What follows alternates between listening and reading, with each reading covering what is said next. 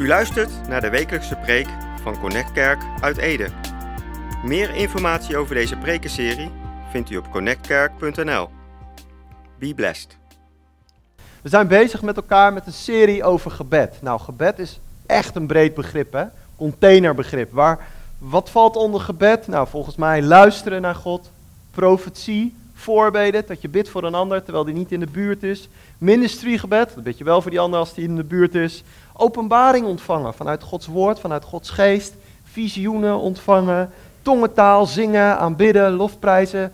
Heeft allemaal te maken met gebed.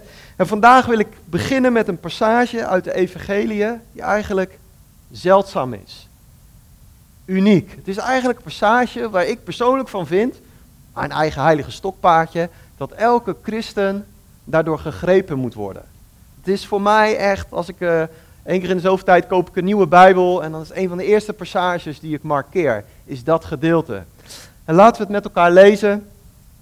Uh, staat in verschillende evangeliën. Ik pak hem uit Johannes 2. Een bijzonder verhaal, confronterend en zeldzaam. Kort voor Pesach, het Joodse feest, reisde Jezus naar Jeruzalem. Daar trof hij op het tempelplein de handelaars, de runderen, de schapen en de duiven aan. En de geldwisselaars die daar altijd zaten. En Jezus, hij maakte een zweep van touw en joeg ze allemaal de tempel uit. Met hun schapen en hun ronderen, runderen. Hij smeet het geld van de wisselaars op de grond, gooide hun tafels omver en riep tegen de duivenverkopers: Weg ermee! Jullie maken een markt van het huis van mijn vader. En zijn leerlingen dachten aan wat er geschreven staat. De hartstocht voor uw huis zal mij verteren.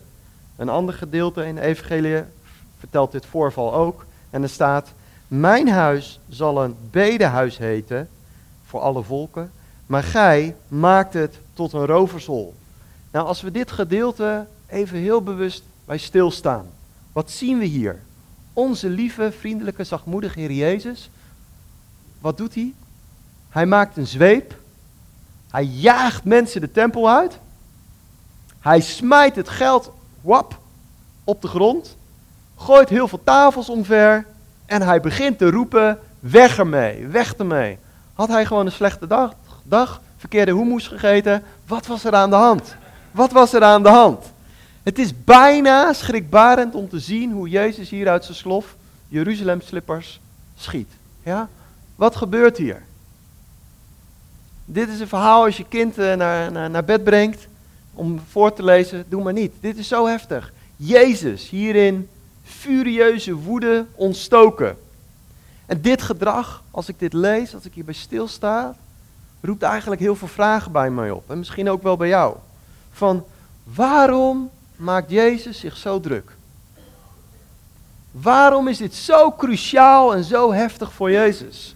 Wat maakt het in zijn hart dat hij het zo op de spits drijft, dat hij zo uit zijn heilige vel springt? Nou, zoals je weet wordt gedrag vaak beïnvloed door emoties. We gaan even een paar puntjes benoemen. We kijken, we hebben dus gekeken naar zijn gedrag. Nou, heel uniek hoe Jezus zich manifesteert, hoe Jezus zich uit. Maar dat komt vaak door een emotionele kant. Welke emoties liggen nou te grondslag aan de niet zo christelijke uiting bijna van wat Jezus daar doet? Wat drijft het hem om zo'n herrie te schoppen in dit verhaal? Nou, volgens mij komt die radicale scherpte vanuit overtuiging. Waarom reageren mensen zo heftig vaak op iets? Dat komt omdat ze een overtuiging hebben. Vanuit een overtuiging reageer je vaak gepassioneerd. Daarom is het goed om sterke, krachtige overtuigingen te hebben. Ben iemand met passie, met vuur en vlam.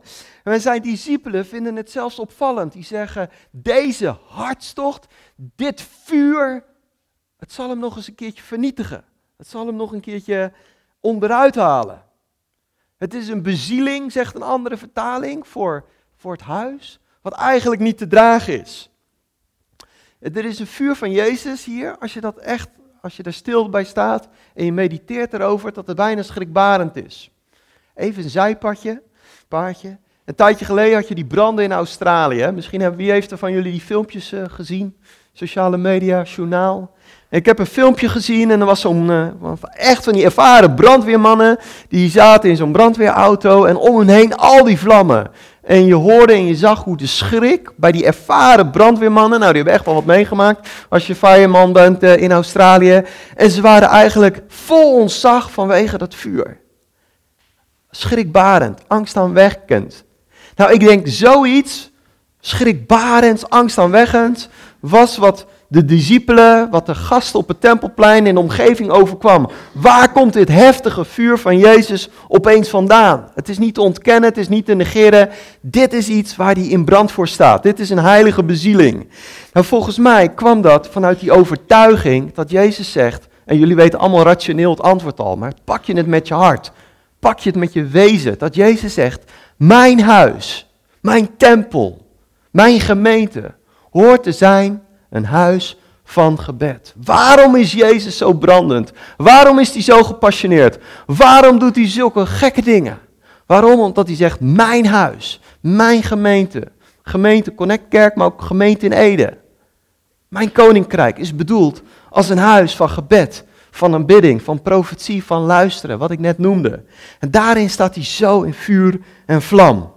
En dan zegt hij, jullie hebben er een markthuis, jullie hebben er een rovershol van gemaakt. Dat zijn denk ik oprechte schriftgeleerden en fariseërs, oprechte mensen. En toch zijn ze afgedwaald, verkeerde prioriteiten, een stukje misleiding, misschien stapje voor stapje. En Jezus als een alarmbel maakt u wakker van jongens, geef prioriteit aan gebed. Omdat Jezus weet, dat we zwak zijn. Dat we soms, als ik naar mezelf kijk, afgeleid worden. Verkeerde prioriteiten. En dan zegt Jezus van jongens, ga je richten op gebed. Als twaalfjarige jochie zei hij dat al. Jongens, weten jullie niet bij de tempel?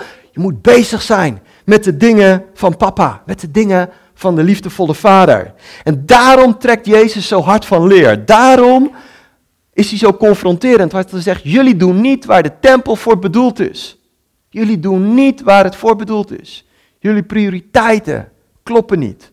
Even heel scherp, even heel radicaal. En dan zegt hij, denk ik met een bewogen, liefdevol, gepassioneerd hart, keer weer terug naar gebed. Laat de tempel, laat het huis bedoeld zijn waar het voor bedoeld is. Laat de wanorde aan de kant en breng het in orde. Leiders, mensen, breng het in orde. Een huis van gebed. Een plek om te luisteren, om te ontvangen, om te genieten, om te proeven naar God. Een bijbelleraar die zei het een keertje heel stellig, gelukkig niet mijn woorden, maar iemand anders, ik zal zijn naam niet noemen. Die zei over dit passage, het lijkt alsof het bloed van Jezus kookt van woede. En niet zozeer op de mensen, maar op wat de mensen doen en vooral op wat de mensen niet doen. Een andere bijbelleraar zegt, is er ooit een rabbi geweest, een rabbi, met zoveel bezieling met zoveel vurige passie en hartstocht voor zijn huis. Hij staat in vuur en vlam voor zijn heilige overtuiging. Een heilig vuur vanuit een heilige overtuiging voor een heilig huis, voor een heilig tempel. En dan kom ik bij mijn volgende punt. En dat gaat dat dit gedeelte in de Bijbel confronteert mij. Reflecteert mij van hoe zit het bij mij? Hoe is mijn gebedsleven? Hoe geef ik er ruimte aan? Hoe neem ik het serieus? En er komt eigenlijk een positief moeten. Als ik dit lees, dan denk ik, ik moet er weer wat mee. En dat willen we niet als Nederlanders, maar er is zoiets als positief moeten.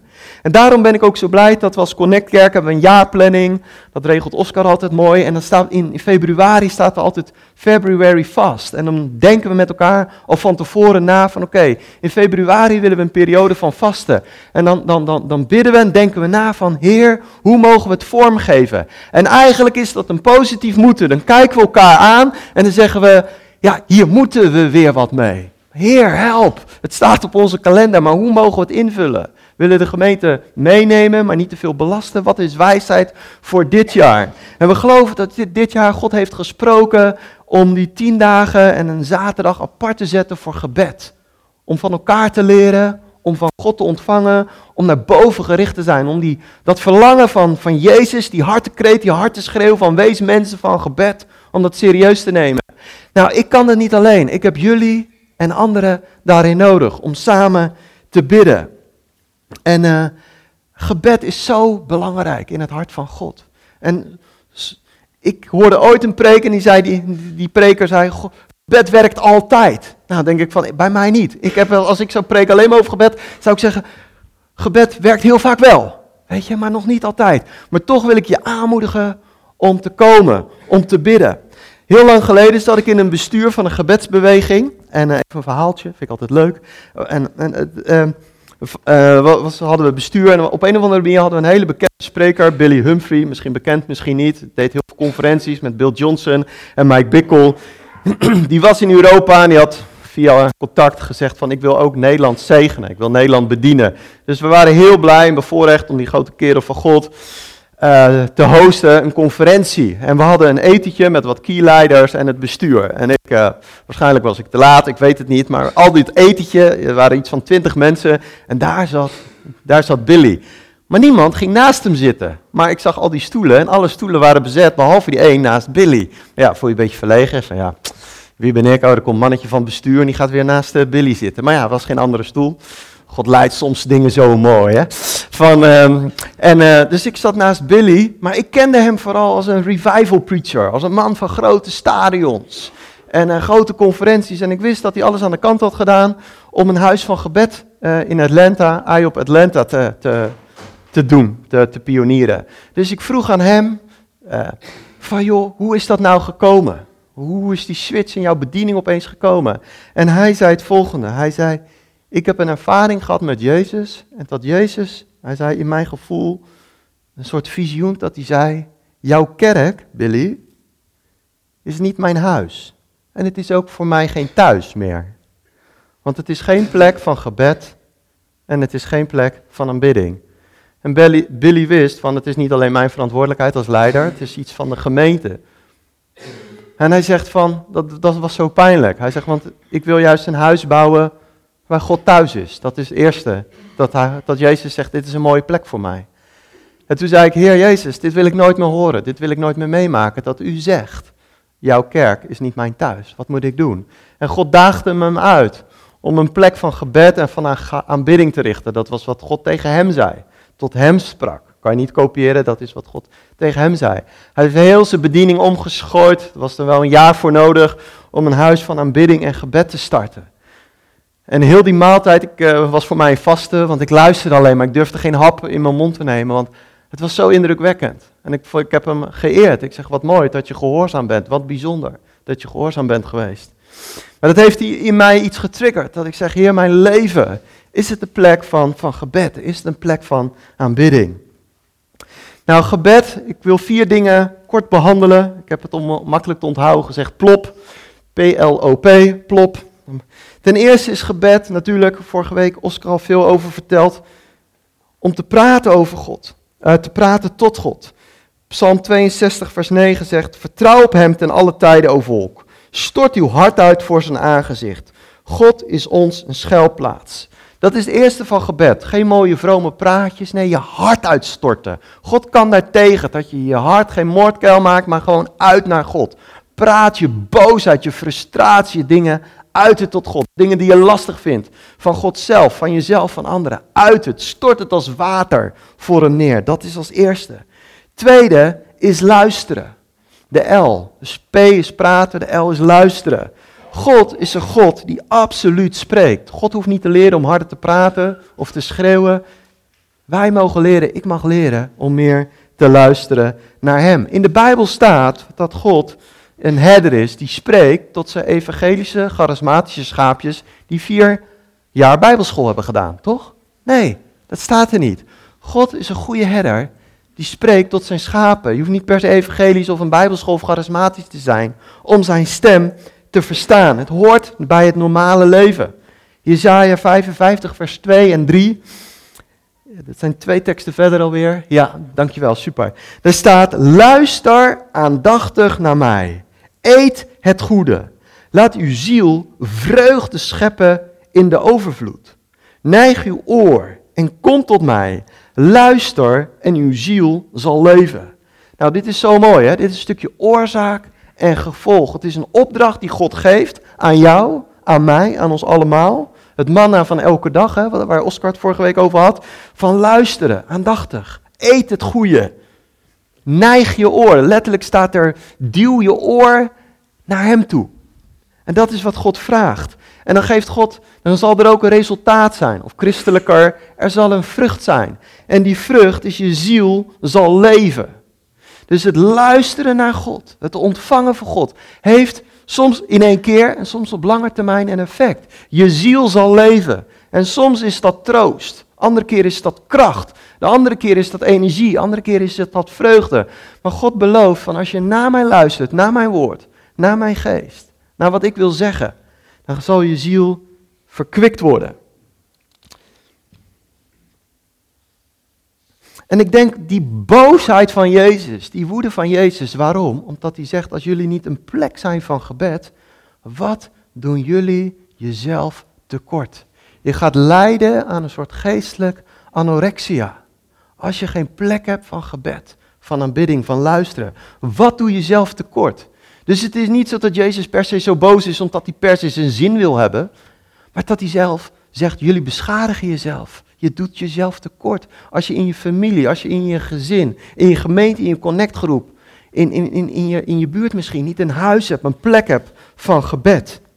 En uh, dat luisteren, we hebben anderen erin nodig om op te merken wat God spreekt. Uh, een verhaaltje wat ik al vaker heb verteld. Afgelopen zomer was ik in, uh, in Frankrijk met mijn gezin. Hele leuke vakantie. Liep in zo'n hele grote supermarkt. Zo'n hele grote, weet je.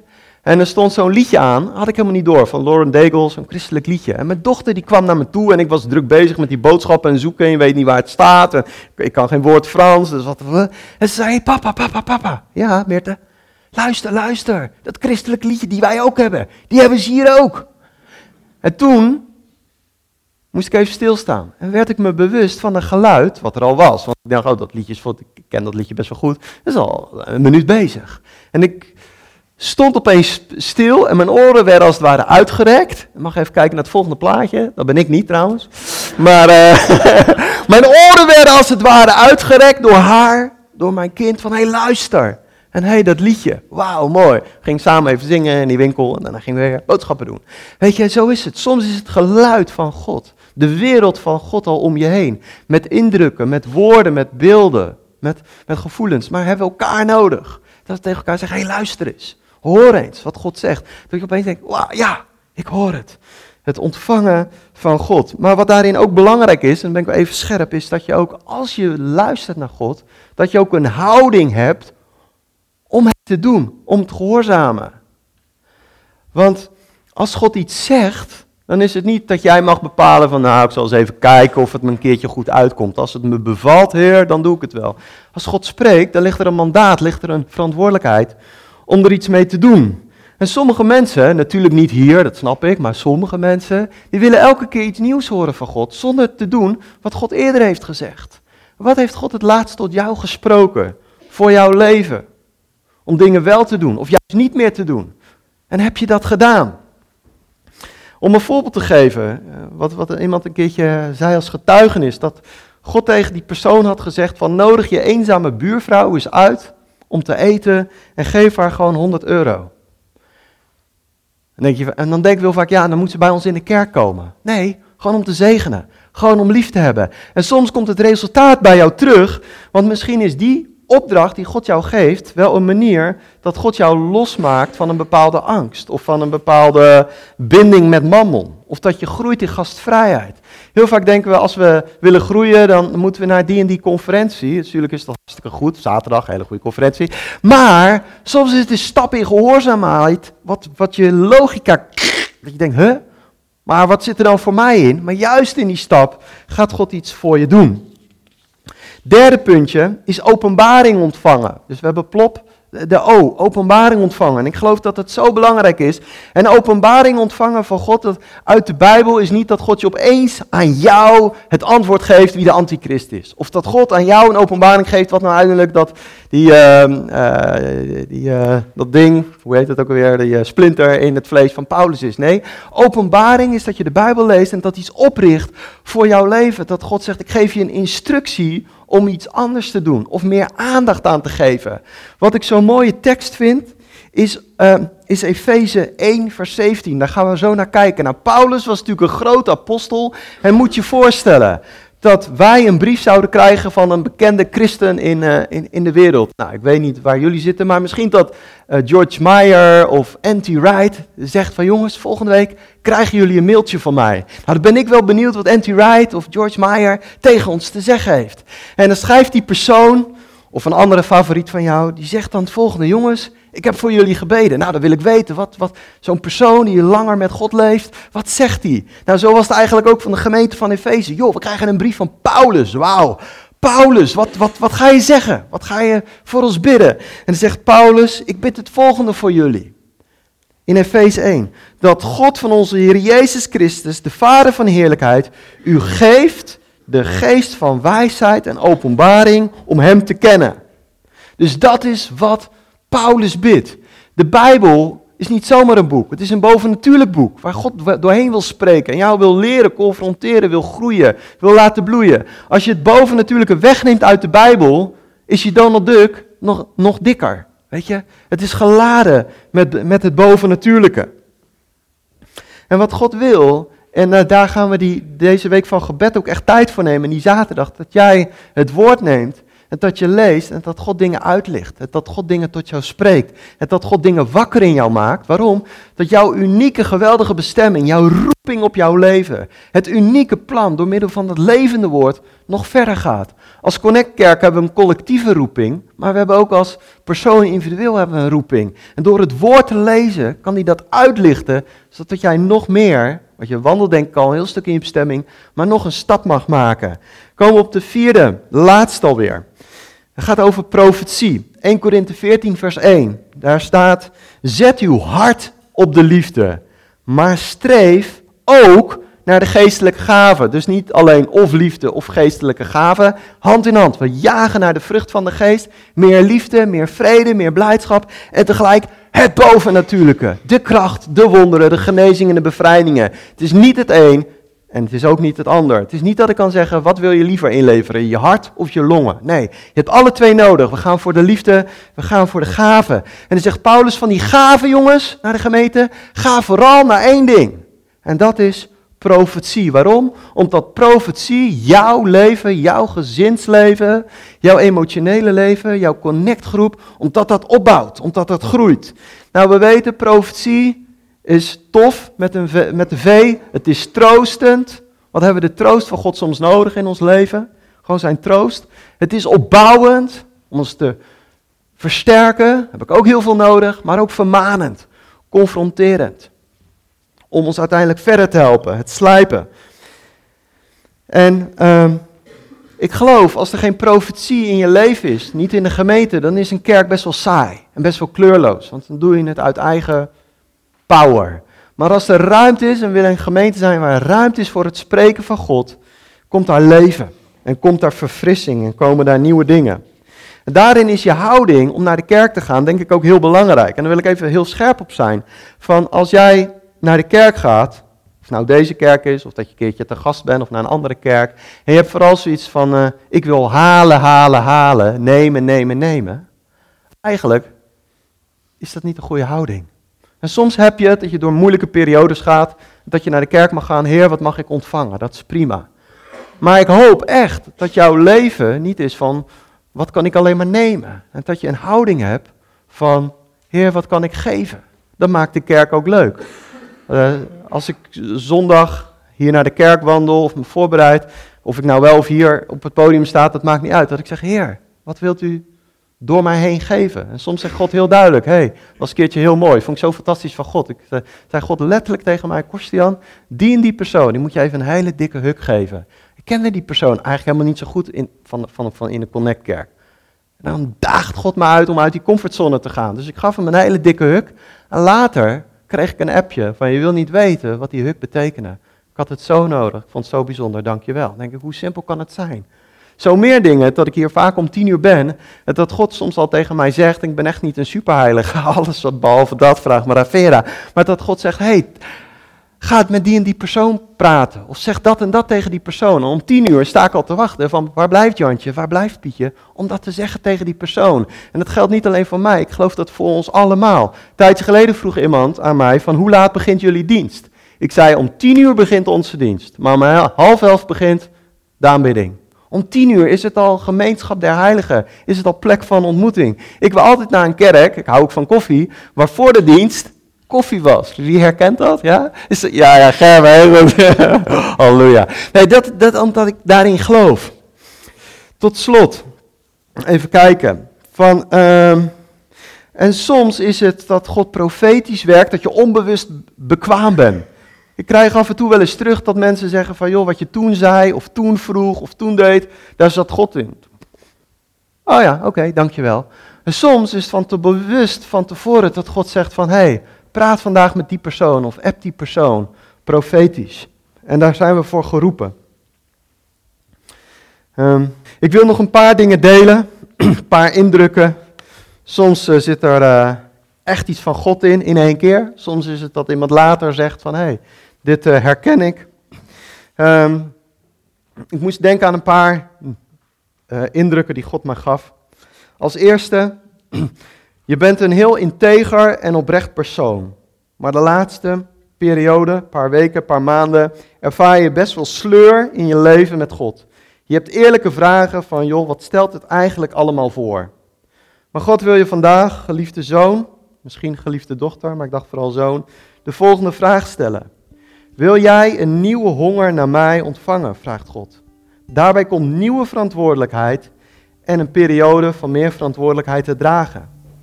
En ik geloof dat God zegt van ik wil je nieuwe honger geven en uit een seizoen van verveling en saaiheid brengen om je te laten groeien in verantwoordelijkheid. Als je dat herkent, kom dan na de dienst even bij me, dan kunnen we daarover praten en bidden. Ik moest ook denken van er is hier iemand met een heel groot hart voor mensen, onvoorstelbaar. En God zegt ik ben zo blij, zo trots op je. Maar je bent ook moe. Maar God zegt ik wil je nieuwe nieuwe gouden steunkousen geven. Nou, steunkousen kan je beter lopen, volgens mij, niet zoveel verstand van, worden je benen minder moe. Maar God zegt, ik wil jou, ik wil jou nieuwe gouden steunkousen geven, om jou te steunen in jouw fantastisch hart voor naaste liefde. Ik moest denken aan een persoon, dat God zegt, je bent als een tuinsproeier. Ik, en ik moest denken aan, ik heb helemaal geen verstand van tuinsproeiers. Een soort, ja, wat is het? Een soort, hoe moet ik dat uitleggen? Een hele lange balk was het, die in het gras stond en je zag hem eigenlijk niet. Maar heel af en toe kwam er heel veel water uit. En God zegt, jij bent als die hele lange tuinsproeier. Ik plaats jou opeens af en toe in een, in een levenstuin bij iemand. Dat kan een gesprekje zijn van 10 minuten of op je werk met iemand die best wel gebroken is. Je bent die lange tuinsproeier. En opeens zet ik jou soms aan en komt er heel veel levend water uit. En dat ben jij. En je bent kostbaar en geliefd in mijn ogen. Er is misschien hier iemand, meerdere, en dat God zegt van, het wordt tijd om je beloftes in te nemen. Ruim je bijzaken op. En je weet heel goed waar God het over heeft. Je hebt te veel bijzaken in je leven. Ga staan in je beloftes. Een ander idee wat ik kreeg, en toets het allemaal zelf. Hè. Het is niet uh, dat het altijd de waarheid is. Ik probeer ook altijd maar wat met God uit te dokteren. En je, God zegt, geliefde dochter, dacht ik, maar het kan ook zoon zijn. Je hebt heimwee naar bepaalde seizoenen van vroeger, maar deze seizoenen komen niet meer. En je loopt door een donker bos heen, maar er komt een nieuwe tijd, een nieuwe periode. En die periode zal totaal anders zijn dan dat je gewend bent, maar er is vervulling en bevrediging en kracht in dat seizoen. Nog één. Dat is, je bent geroepen, heel speciaal, om te bidden voor mensen. Dat geeft jou kracht en energie. En God wil jou gebruiken en God wil jou bekwamen met een nieuwe honger in dit gedeelte van ministrygebed. En je bent geroepen om jouw handen tot zegen te laten zijn voor andere mensen. En over enkele jaren zullen mensen komen vanuit vele afstanden om gebed van jou te ontvangen. En God gaat je meer van de Heilige Geest geven door jouw handen heen. Maar God zegt wel, wil je keuzes maken, wil je keuzes maken om je daarin te bekwamen. Maar God zegt, er zullen van afstanden, zullen mensen komen, zullen reizen om gebed van jou te ontvangen. Dat God er doorheen werkt. Tot slot, misschien heb je last van je oren, van oorsuizen of een oorpiep in je oren. Is daar iemand die last heeft van zijn oren? Ja? Misschien nog meer, dankjewel trouwens, dat je last hebt van je oor, vaak piep, vaak oorontstekingen. Dan wil ik daar een gebed voor bidden. Vader, dank u wel voor genezing. Uw woord zegt en uw beloften zijn ja en amen, dat u geneest. Vader, dank u wel voor deze vrienden van u. En we spreken genezing uit. In Jezus' naam. Amen. Profetie, genezing kan zo krachtig zijn. Een tijdje geleden luisterde ik naar een preek en dat heeft me zo gestuurd. Er was een man die kreeg een profetisch woord over een bepaalde ziekte. En er waren inderdaad drie mensen die hadden die ziekte. En toen vroeg hij aan de zaal van, wil jij, uh, als je iemand in je vriendenkring, in je familiekring uh, hebt, die uh, niet in deze dienst is, maar die ook die ziekte heeft, wil je die nu appen en een bericht sturen, ik geloof, ik ben in een dienst, dat God iets voor je wil doen. Er waren iets van 10, 20 mensen die appten hun vriend of familielid van joh, ik zit in de kerkdienst en ik moet van de dominee jou appen, want God gaat je genezen. Bla bla bla bla. Tot verbazing, een week later, waren er heel veel getuigenissen. Dat mensen zeiden, ik kreeg een appje van mijn buurman, van een vriend van een collega over die en die ziekte. En op dat moment kwam er geloof vrij. Of ging ik bidden, zelfs ongelovigen, en genas, genas God me van die bijzondere dingen. Oké. Um. U luisterde naar de wekelijkse preek van Connect Kerk uit Ede. Meer informatie over deze gemeente en alle preken over dit thema vindt u op connectkerk.nl of bezoek onze Facebookpagina. Bedankt voor het luisteren en wees tot zegen.